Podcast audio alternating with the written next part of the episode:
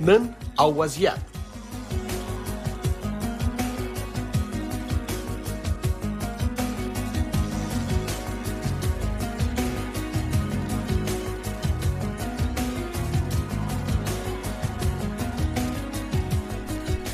قدرمن اوریدونکو السلام علیکم زه احمد الله چوال د امریکا غږ د نن وضعیت په نننې نیم ساعت خبرونه کې ستاسو کوربه یم د پاکستان حکومت څو میاشتې وړاندې په دغه هیواد کې میشتو ټولو هغو باندنیو چې په پاکستان کې د اوسېدو اسناد نه لري او یا یې هم د اسنادو وخت تیر شوی وي ته له تر سبا له دغه هیواد د وتلو خبر ورکړي د پاکستان حکومت دغه ډول خلکو ته خبرداري ورکړي چې که د خبرداري سره سره بیا هم ناغیړي وکړي زنداني بشي نن یو ځل بیا د پاکستان د کورنوي چارو وزیر رانا ثناء الله د یو ټویټ لاري د پاکستان د حکومت دغه خبرداري بیا تکرار کړي ویلي دي، په پاکستان کې میشتو ناقانونو کډوالو ته ورکړل شوی ضرب الاجل سبا پای ته رسیږي. ده زیاته کړې، ټول هغه باندنیان چې ناقا په ناقانونه ډول له یادې نیټې وروسته په پاکستان کې پاتې شي هغوی به جریمه شي او هغه خلک چې له یو کال څخه تر زیات وخت پاتې شي د هغو نومونه به په تور لیست کې واچول شي. له دوه زره یو د دوه زره یوویشت کال د اګست له پنځلسمې وروسته یو لوی شمېر خبریالان پاکستان ته د دې لپاره چې نورو هیوادونو ته د کډه کېدو لپاره اسناد ترلاسه کړي پاکستان ته کډوال شول دغه خبریالان ځینې په پاکستان کې د پاتې کېدو اسناد لري نور یې نه لري او د ځینو لا هم د اسنادو نیټه پای ته رسیدلې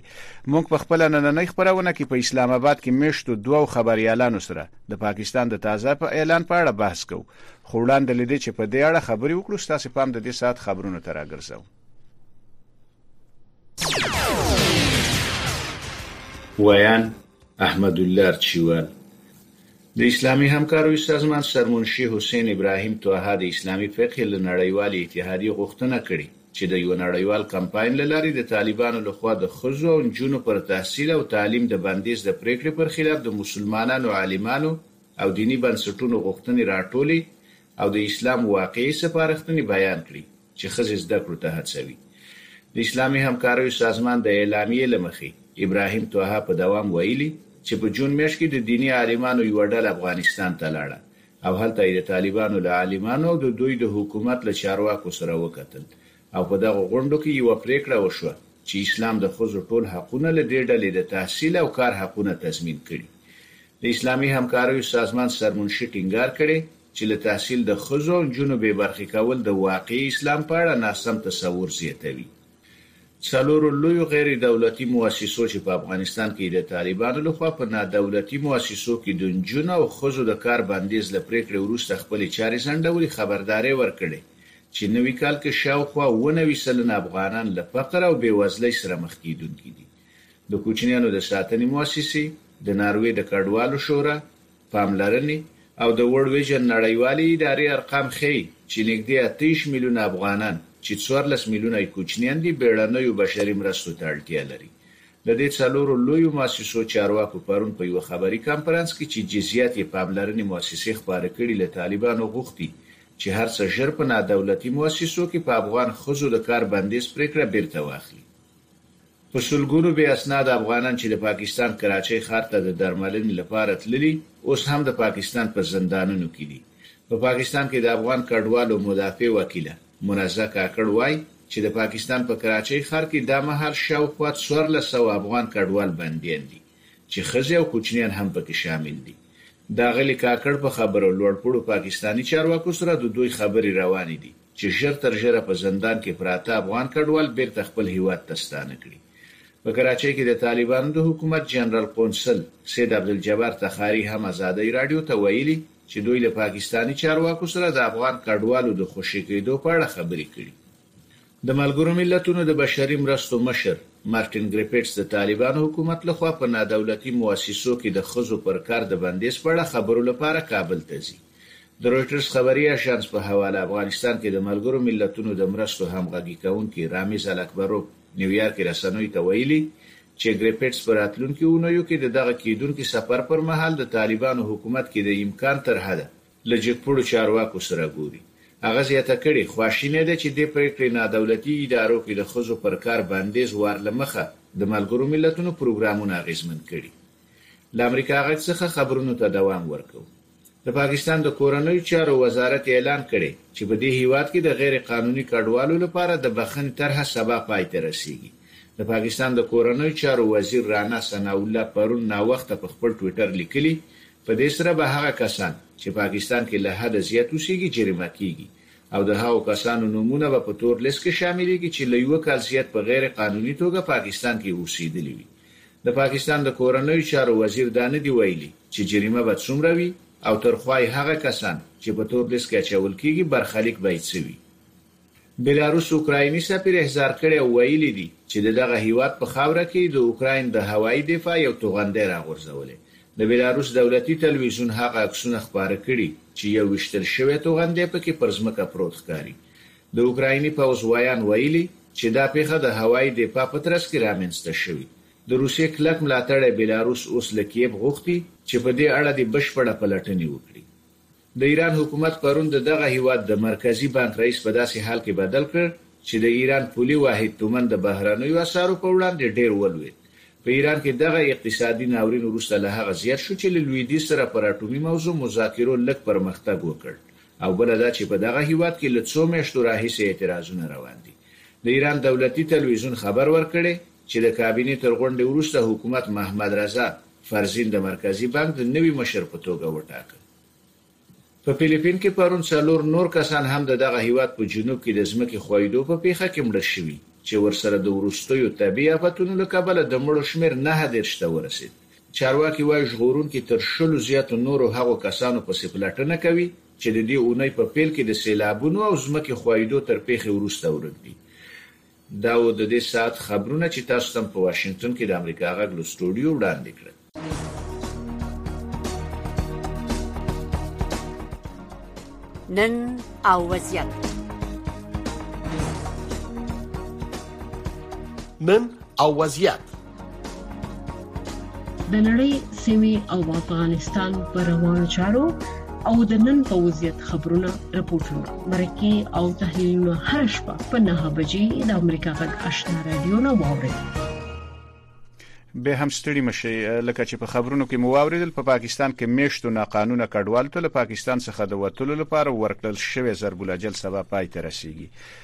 د پاکستان د حکومت په دې اړه یو اعلان کړی دی او په اعلان کې راغلي چې د 2021 کال د اګست له 15 مې وروسته پاکستان ته د کډه شوي هغو افغان خبریالانو چې نورو هیوادونو ته د تللو لپاره په اسلام آباد کې ورځې شپې سبا کوي خای هم په دې د دې پریکړې ناغیزمن شي مونږ د پاکستان د دغه اعلان او چې دا اعلان د پاکستان کې مشت افغانانو په ځانګړي توګه هلته د مشتو افغان خبریالانو لپاره څه معنی لري باندې بحث کوو په دې اوسنۍ موضوع د بحث لپاره را سره په اسلام آباد کې میشت دوه افغان خبریالان نجیب حبیبی او خاطره نوري ملمانه دي دواړو قدرمنو ملمانو ته ستړي مشي ویو سلامونه او درنه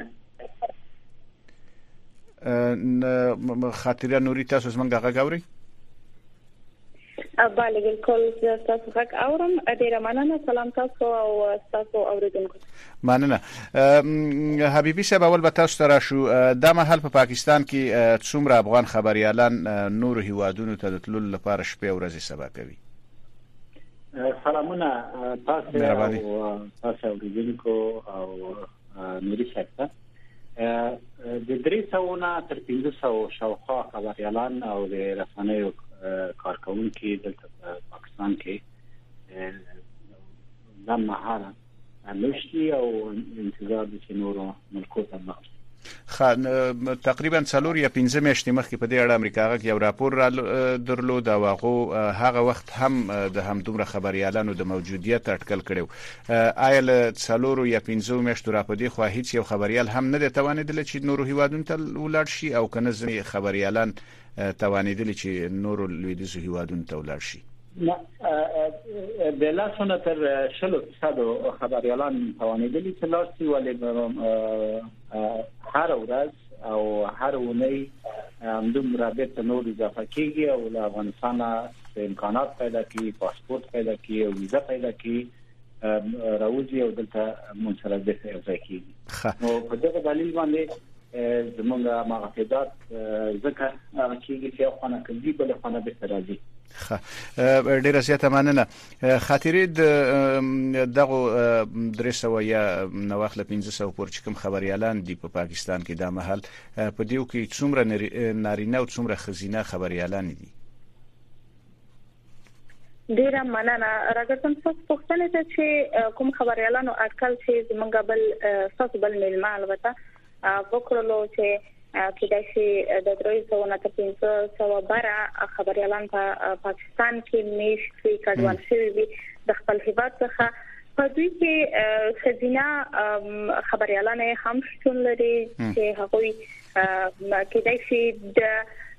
نارینه او په اندازه هغه مره خزینه خبريالان هم راغلي وي پاکستان هیواد ته خو ښځینه خبریالانو د دې لپاره چې امکانات نه لري یا یوازې توګه سره نشي کولای چې سفر وکړي یو بل هیواد ته لاړ شي ځکه کوم کیسونه هم چې دوی لري دوی یوازې خپل په دې کیس کې دي یا هم د کورنۍ نور غړي دي یا دوی ته ویزه په اسانۍ نه پیدا کیږي یا هلته تاسو خبر یې چې په افغانستان کې پاسپورتونو ویش هم بند دی یا دوی نشي کولای چې دا پاسپورت ترلاسه کړي او بل هیواد ته لاړ شي څنګه د میرمنو لپاره دي چې خو په پاکستان کې هم خبريالان شته دي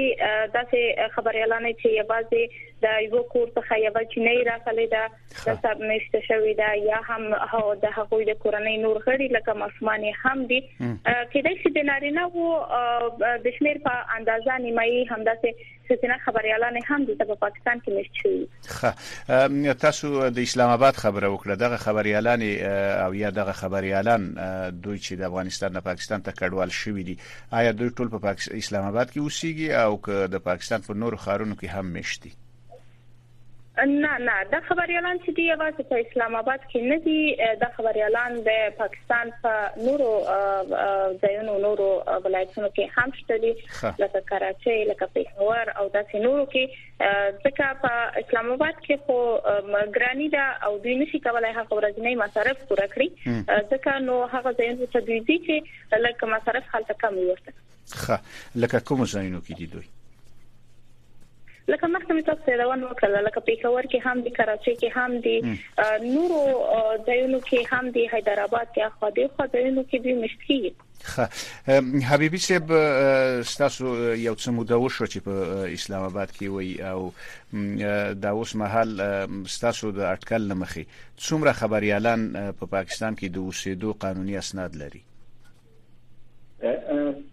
تقریبا د 15 اتیا سلنه ټول هغه لري اسناد لري یا قانوني راغلي دي 1500 لا څنګه تر 1500 پورې خبر اعلان دي چې په غمن راوخته دي په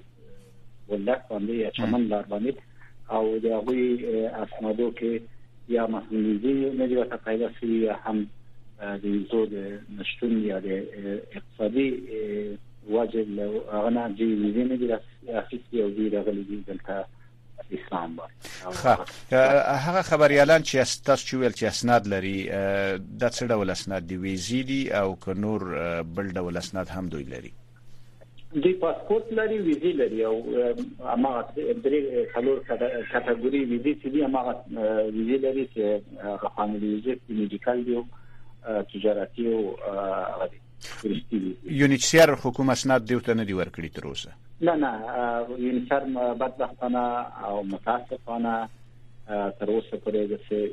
اسناد نه دي ورکړي چې هغوی ته قانوني بڼه ورکول شي یا دوی پولیس ونه ځوروي یا د ویزې د نشتون په هغه کې د هغه اسناد وکړاو چې دوی یوازې یو توکن ورکړی چې هغه توکن هم دلته د پاکستان حکومت یا پولیس نه مني ګرچې اوس اوس موږ هڅه کړې دي او شارم پر اوسله دا او چوناس مسدلو دي هغه ژمنه کړې چې موږ وزارت داخلي ته مکتوب ورکړی چې ټوکان لري نه ځوروي خو بیا هم موارد ته دغه دوه ورځو کې ډېر کسان ځورول شوي دي او حتی پیسې ونه اخیستل شوي دي خه خاطرې د پاکستان حکومت دغه اعلان تاسو د رانه سنو لټ ټویټ نام خبرې و یو مخکې اعلان نکړي چې سبا د دوی غ ضرب لجل چې ورکړي دا پوره کیږي په پاکستان کې مشت دغه نوي ورغلي خبريالان څومره اندېښمن کړي د دې خبرو د دغه اعلان په تړاو تاسو باید وایم چې نه یوازې هغه کسان چې قانوني اسناد نه لري بلکې هغه کسان چې اسناد هم لري او د دوی اسناد نه دي تمدید شوي هغه هم ډېر زیات اندېښمن دي افغان خبريالان په ټوله کې کډوال چې د یو هیواد څخه بل هیواد ته راستنه کیږي لکه موږ چې د افغانستان څخه د پاکستان ته راغلي یو د دې لپاره چې موږ په خپل هیواد کې وضعیت کنه وو موږ تهدیدات وو موږ مجبور شوي یو چې راشو بل خره دغه د مهاجرت د کډوالۍ د څنګه چې دا په ځان ومنو او راشي یو بل هیواد ته کډوال شو ځکه موږ ته په خپل هیواد کې د سر خطر دی خو د دې دغه کوم روسي اعلان چې وو دا په دغه ټول میشت په پاکستان کې ټول میشت کډوال او بل څه خبريالان چې د خپل هیواد ته نشي نېدلای دوی ډېر زیات اندېښمن کړي دي چې اوس به دا وضعیت څنګه کیږي خپل هیواد ته به نشي تللی او دلته کې پاتې کیږي دوی کومه جرمانه چې حکومت ویلې دا چې دا هم ټاکل نه ده چې څومره جرمانه به وي دوی د ویزو د وخت د تیریدو سره به دوی څومره جرمانه ورکوي ځکه هر څوک چې دل سره خپل دي هغه خپل اقتصادي ستونزې لري په یو بل هیواد کې اوسیدنه او هلته له صفر څخه هرڅ پیلول د هرڅ مصرف ته ضرورت لري نو د دوی اندېښنې ډېرې زیاتې دي د دوی ویزه نه دي تمدید شوی دلته کوم جریمه چې دوی وايي دوی حیران پاتې دي چې سره کمې بیرته ده ور ادا کړی کدا نه ادا کیږي او هغه کسان چې له یو کال څخه ډیر دلته اوسېدل دي هغه چې چیرته زنداني کیږي ورسره هغه وسه کیږي دا ټول هغه څه دي او هغه اندېښنې دي چې دلته افغان خبريالانو سره پیدا شوې دي چې بل اخره د دې سرنوشت څه کیږي کوم هیوادونو څخه چې د کیسونو لري هغه هیوادونه د دې په کیسونو باندې کار نه کوي همدا صفات دي خو دلته په پاکستان کې وخت کې پاکستان دولت دوی په قرار نه پریږدي او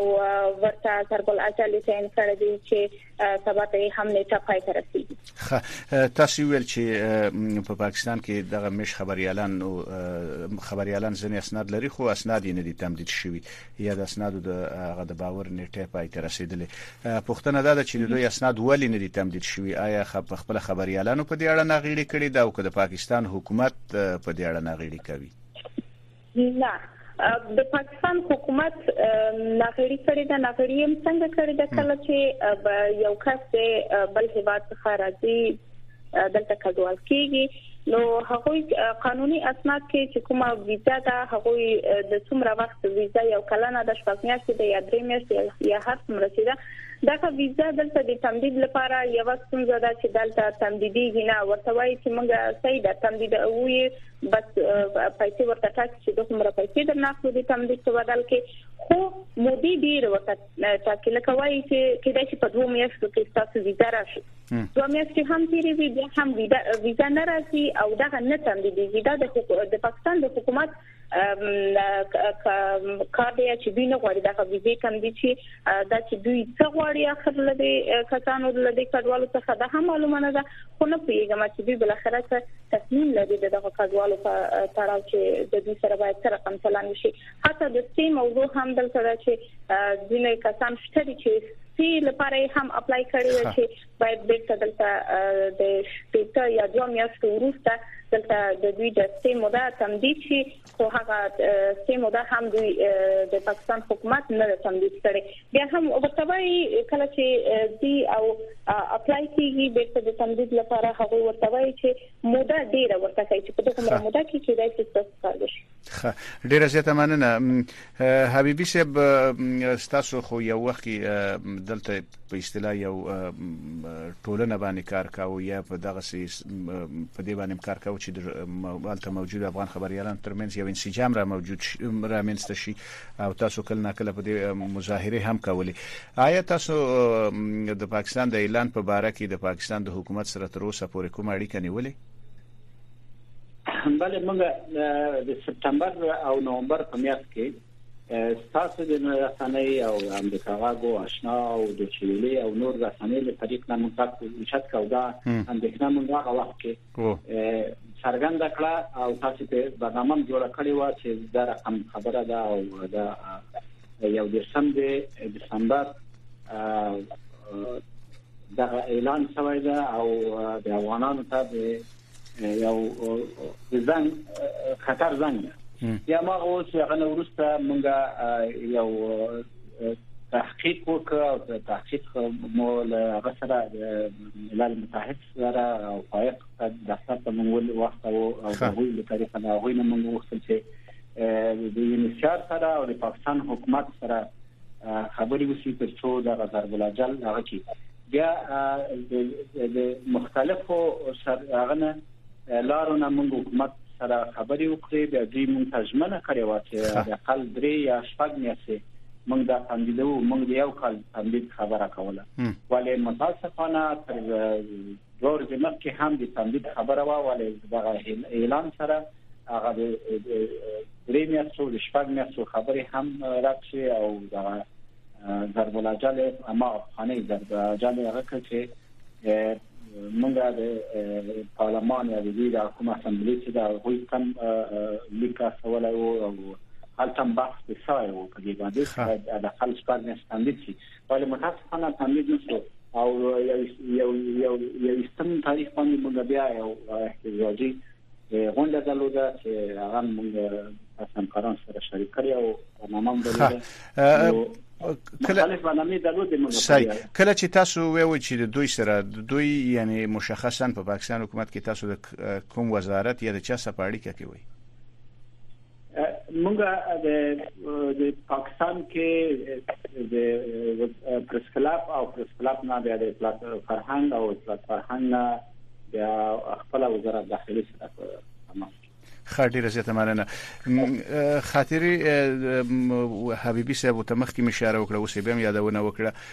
دلته تاسو افغان خبریالانو د یونیچ سیر سره په اړیکه کې یو یو یو وخت په وخت سره خبرې کوي یونیچ سیر سره موږ خبرې کړي هغه هم د خبره تایید کړي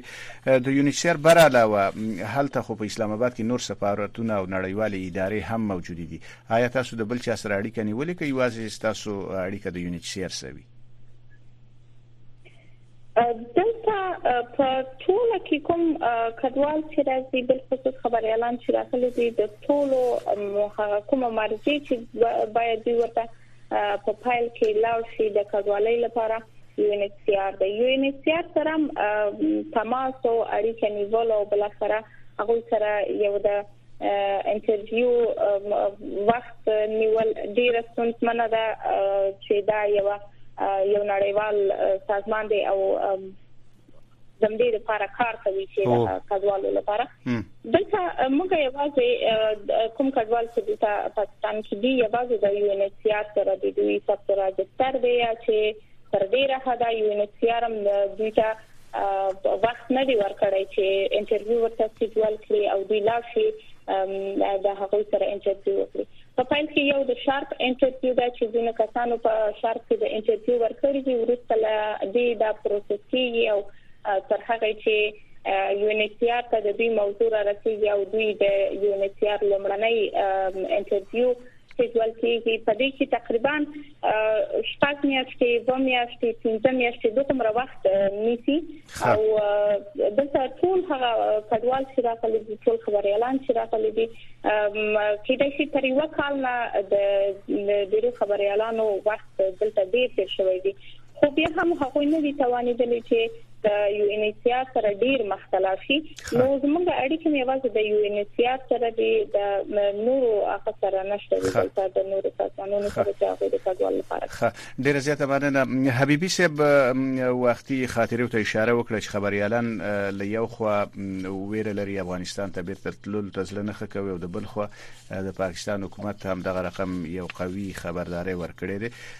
زما پوښتنه دا ده چې څه فکر کوئ چې افغان خبریالان به کومه لاره غوره کړي که چېرته پاکستان حکومت په دیو فشار راوړي داسې څوک د خبریالانو په منځ کې شته چې هغه یو غواړي بیرته افغانستان ته لاړ شي او کنو دوی به هم دلته پاتې شي او د پاکستان د اعلان د پایلو سره به مخ شي نو قطعا په اوسنۍ شرایطو کې لکه څنګه چې تاسو ته معلومه ده او تاسو رسنۍ هم باندې چې تاسو رسنۍ متعلق شي افغانستان ته هیڅ خبريال جو خنه کی ولې د نورو لارې به کار اخلي چې موجوده چې خپل جریانه پایل کې او یا هم د پیسو په مقابل کې خپل هغه ویزه تمدید کی اکستنشن واخلي چې دا هم خبريالانو ته او ټول کډوالو ته ډیره ستونزمنه ده چې دوی کم از کم 360 ډالر یا 850 ډالر دوی د جریمه ورکړي او څو خپل قانوني اکستنشن واخلي که څه هم دا چې خاطري خور وړاندې ویلي چې مونږ دلته افغان خبريالانو او ټول چې هغه کسان چې ویزو باندې راغلي قانوني راغلي څنګه د دې له خوا نه ده مثلا مونږ کله چې شپې ته ورځې کړه کیږي خپل فاميلي منبر ټول ته هغه کو او اپلای کو دوباره به اکستنشن لپاره یا د تمدید یا تجدید لپاره ولی د دوی سیستم دا رنګ جوړ شوی دی چې نه هم یا چې شپږ نه چې و مې چې هم دوی تمدیدی نه لیږي هغه یا به دې البته پور بازار ته به دې کمیشن کار ته پیسې ورکړي تر څو تاسو اجازه وباسي اکسټنشن لپاره او یا هم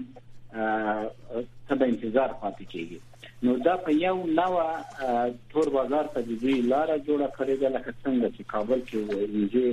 سختې کړې دي او یو ویزه تر 10 ډالر او 1200 ډالر رسیدلې دلته هم یو اکسټنشن تر پنځوي زرو کلدارو رسیدلی چې شپږ میاشتې د اکسټنشن وکړي درې ښه خاطرې تاسو اوسه پورې داسې چانه خبرې و چې افغانستان نه پاکستان ته راغلي او د ستونزو او یا د ناامیدۍ د وجې نه بیرته افغانستان ته تللي زما هدف البته خبرې اعلان دي اولا د ورستیو پریکړو او اعلاناتو ته په کتو سره ډیری کسان شته دي چې دې ته فکر کوي چې بل اخره دا چې د پاکستان په زندانونو کې پر هغوی باندې وخت تیر شي او بل لار هم بنه لري او د دوی د خلاصون لار به هم معلومه نه وي ځکه هغوی به د ځان لپاره وکیل نسی او نور پروسه ده شته ځینې کسان چې دې ته فکر کوي خو هیڅوک ځل نه کوي چې بیرته افغانستان ته لاړ شي فکر به پیوشي چې واکه افغانستان ته لاړ شي خدا چې د افغانستان وضعیت وګورو خبرونه واورو او د افغانستان وضعیت ټول نړیوالو ته معلومه ده چې د وضعیت سره کم دی که وضعیت هلته شوی دومره کډوال ولې مجبورېدل چې باید لاړ شي راشي پاکستان ته او دلته د دوی د دې رقم سخت قوانینو سره مخامخ شي او د اقتصادي مجبوریت وختونه تیر کړي نو تر اوسه پورې خو څوک نه دي تللي او خدای دې وکړي چې دا څه هم ونه شي چې دلته څوک ارشي افغانستان ته لاړ شي ځکه هلته وضعیت معلوم دی او دا کسان چې راوتل دي هغوی لپاره خطر وو کچیر د خطر نه وای خو طبي خبره ده چې هیڅوک نه را نه راوصل او نه راتلل سره لدی چې مونږ ډیر خاص اوچت کړلو چې نړیوال بل اخره د پاکستان په حکومت باندې فشار راوړي او دغه موضوع ته یو د حل لار پیدا شي بیا هم هغه د ضرب الاجل نیټه ورسیدله ډیر زیاته مننه